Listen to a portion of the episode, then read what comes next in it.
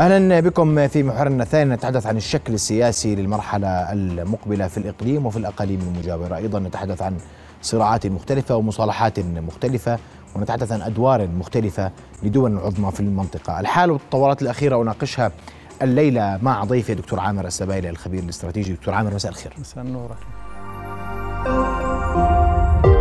رؤيا بودكاست. دكتور عامر سأبدأ من ملف يعني مستجد في رمضان وهو ملف المصالحة العربية الإيرانية إن صح التعبير والدور الصيني فيها. وكيف تقرأ هذه المصالحة؟ توقيتها سببها دافعها وإلى أين تتجه المنطقة في هذا الجانب؟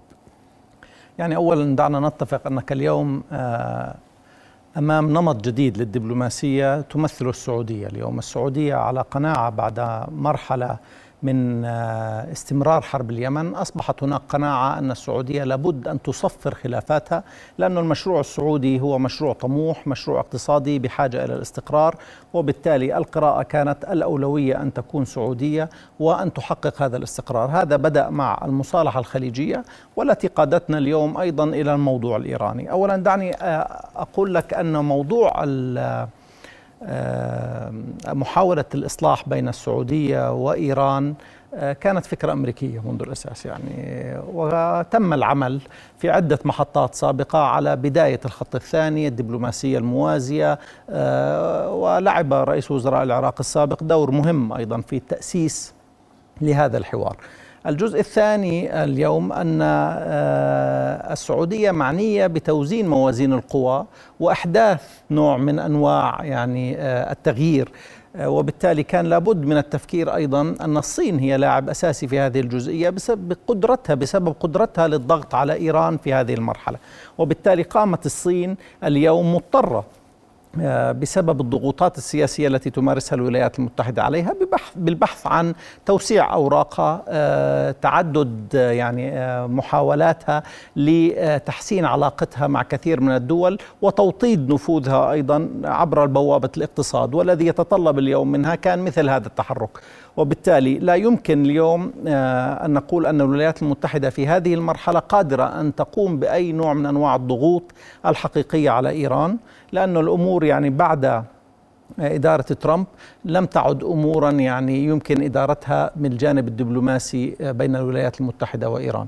عقوبات مفروضة أمريكية ضغوطات مستمرة وبالتالي يعني لم تعد الولايات المتحدة قادرة أن تلعب دور الوسيط السياسي. وبالتالي هذا الذي شكل بالنسبة للصين اليوم هذه الفرصة بسبب أن إيران في حالة عزلة في حالة أزمة متعمقة وبالتالي هي بحاجة للصين. الصين اليوم استغلت هذا الموضوع واستطاعت أن تبدأ عملية تسويق نفسها على أنها وسيط سياسي، انظر يعني دعنا آه، نأخذ أنها قبل ذلك قامت أيضا بطرح نفسها في خانة الوسيط في موضوع الأزمة الأوكرانية، هناك مبادرة صينية في الوقت الذي تغيب أي مبادرة عن فكرة إنهاء الحرب في أوكرانيا، بغض النظر نجحت أم فشلت لها يمكن أن يكون لها أفق أم لا، لكن هناك إصرار صيني على تسويق نفسها بأنها لاعب يمتهن فكرة الوساطات. وهذا الذي يهيئ اليوم الصين لتكون فعلا آه، آه، قادرة على وضع ضغوط على إيران آه، هذا هذا من جزء، الجزء الثاني أن السعودية اليوم معنية بإنهاء الخلاف مع إيران لعدة أسباب.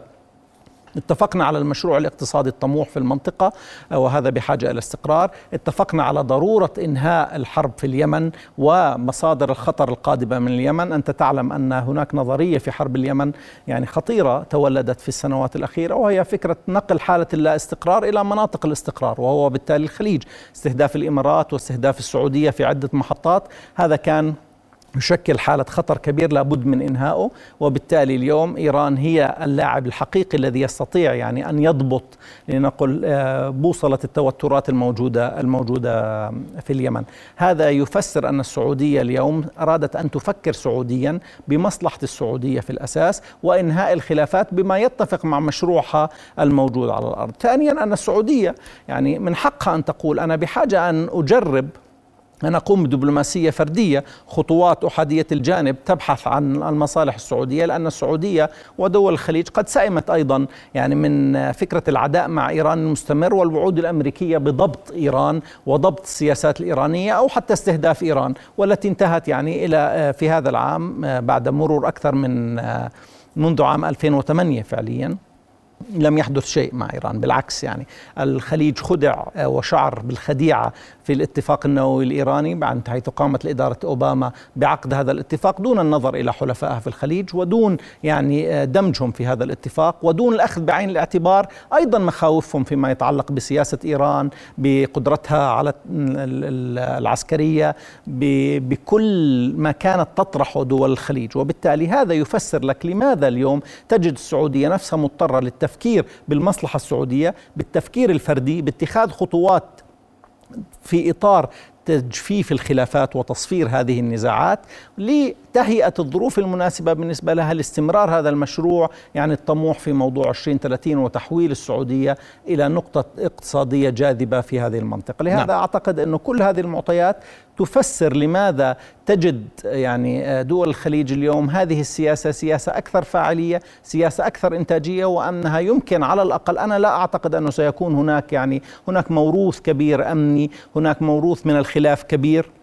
لكن هذه بدأت مرحلة يعني ما نسميه في في السياسة بناء الثقة يعني خطوات آه، من الطرفين في فكرة بناء الثقة والهدف هو تصفير هذا الخلاف وهو فعليا ما تحتاجه السعودية اليوم لأن انتصار السعودية في هذه المنطقة وضمن هذا المشروع يمكن أن يكون فقط عبر بوابة الانتصار الاقتصادي والانتصار الاقتصادي اليوم هو بحاجة إلى هذه الوصفة وصفة التهدئة والاستقرار. طيب في في ذات الإطار نتحدث عن مصالحة عربية عربية ومحاولات حثيثة عربيا لإعادة سوريا للحضن العربي والحديث أيضا عن قمة الرياض والتمثيل السوري في قمة الرياض الذي قد يكون مختلفا لدرجة حضور الرئيس السوري بشار الأسد للرياض وحضور القمة والزيارات المختلفة لوزراء الخارجية من دول الخليج ولوزير الخارجية السوري لمختلف الدول. وكأن الأمور المنظور العام السابق اختلف تماما حتى تجاه سوريا. يعني أولا دعنا نضع الأمور في نصابها. من بدأ هذه العملية عملية محاولة إعادة سوريا هي الإمارات. يعني الدبلوماسية الإماراتية كانت هي الأكثر فعالية الأكثر جرأة.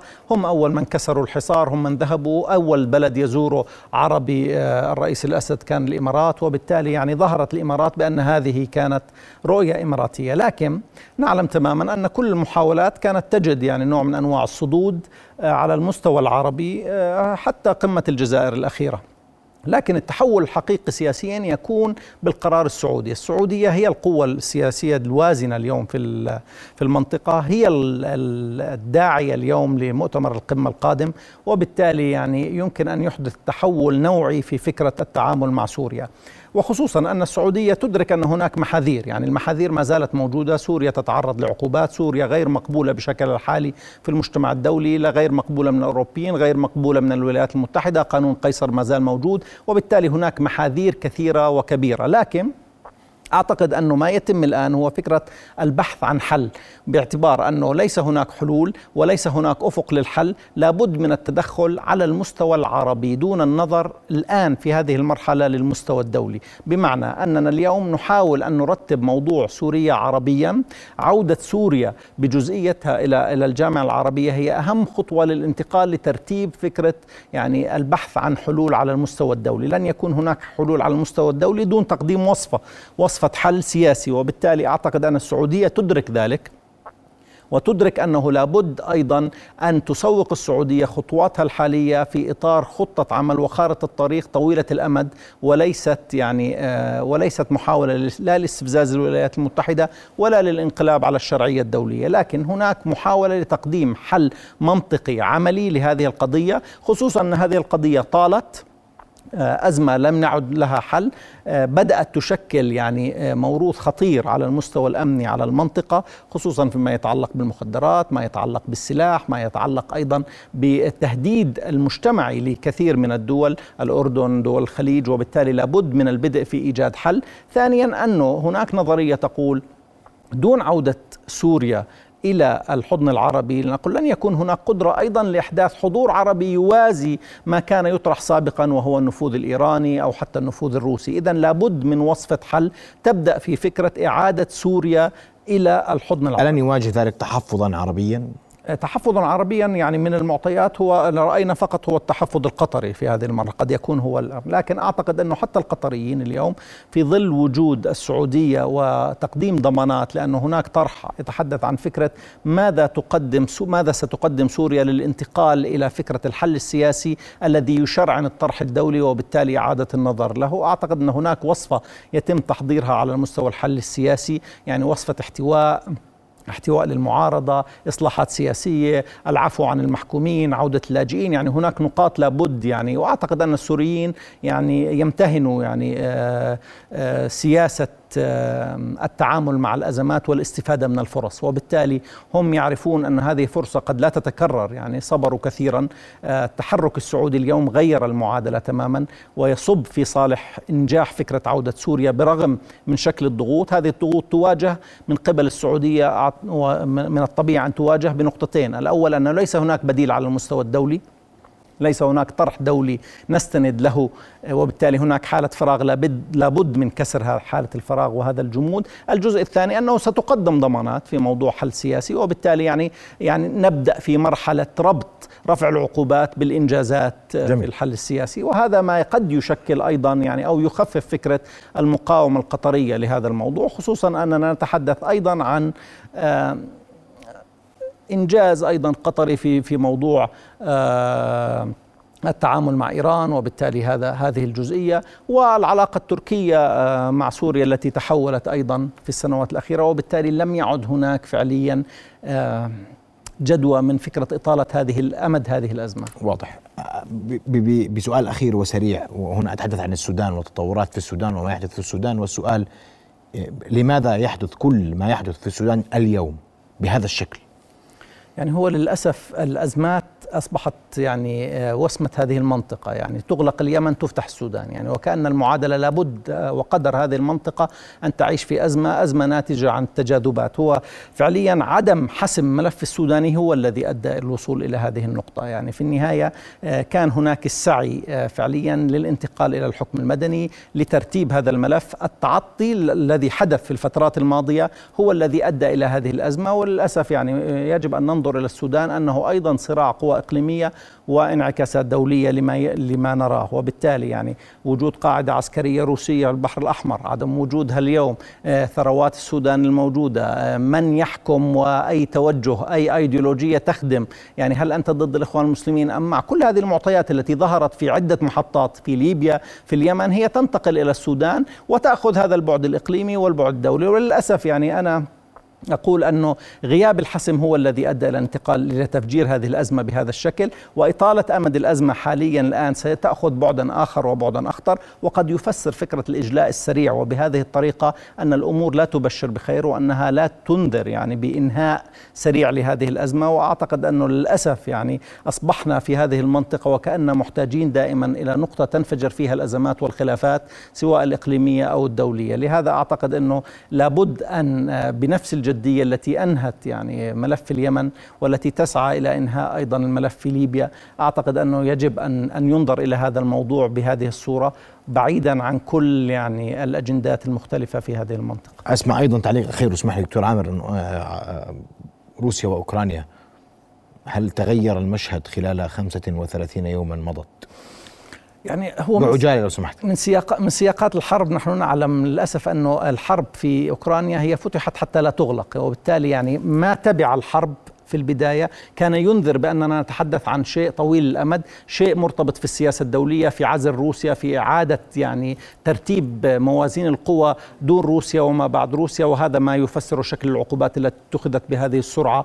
وما نراه اليوم في إطالة أمد الأزمة والتي تستنزف فعليا روسيا وتشرعن فكرة العقوبات عليها وبقاء العقوبات عليها. وبالتالي أعتقد أننا يجب أن ننظر إلى الأزمة الأوكرانية من منظار سياسة دولية وليس فقط من منظار عسكري. نعم. أشكرك كل الشكر دكتور عامر السبايل الخبير الاستراتيجي علقت على التطورات في الإقليم بدءا من المصالحة العربية الإيرانية إلى المصالحة مع سوريا إلى الأزمة السودانية وأخيرا روسيا وأوكرانيا. أشكرك كل الشكر على وجودك معنا. رؤيا بودكاست.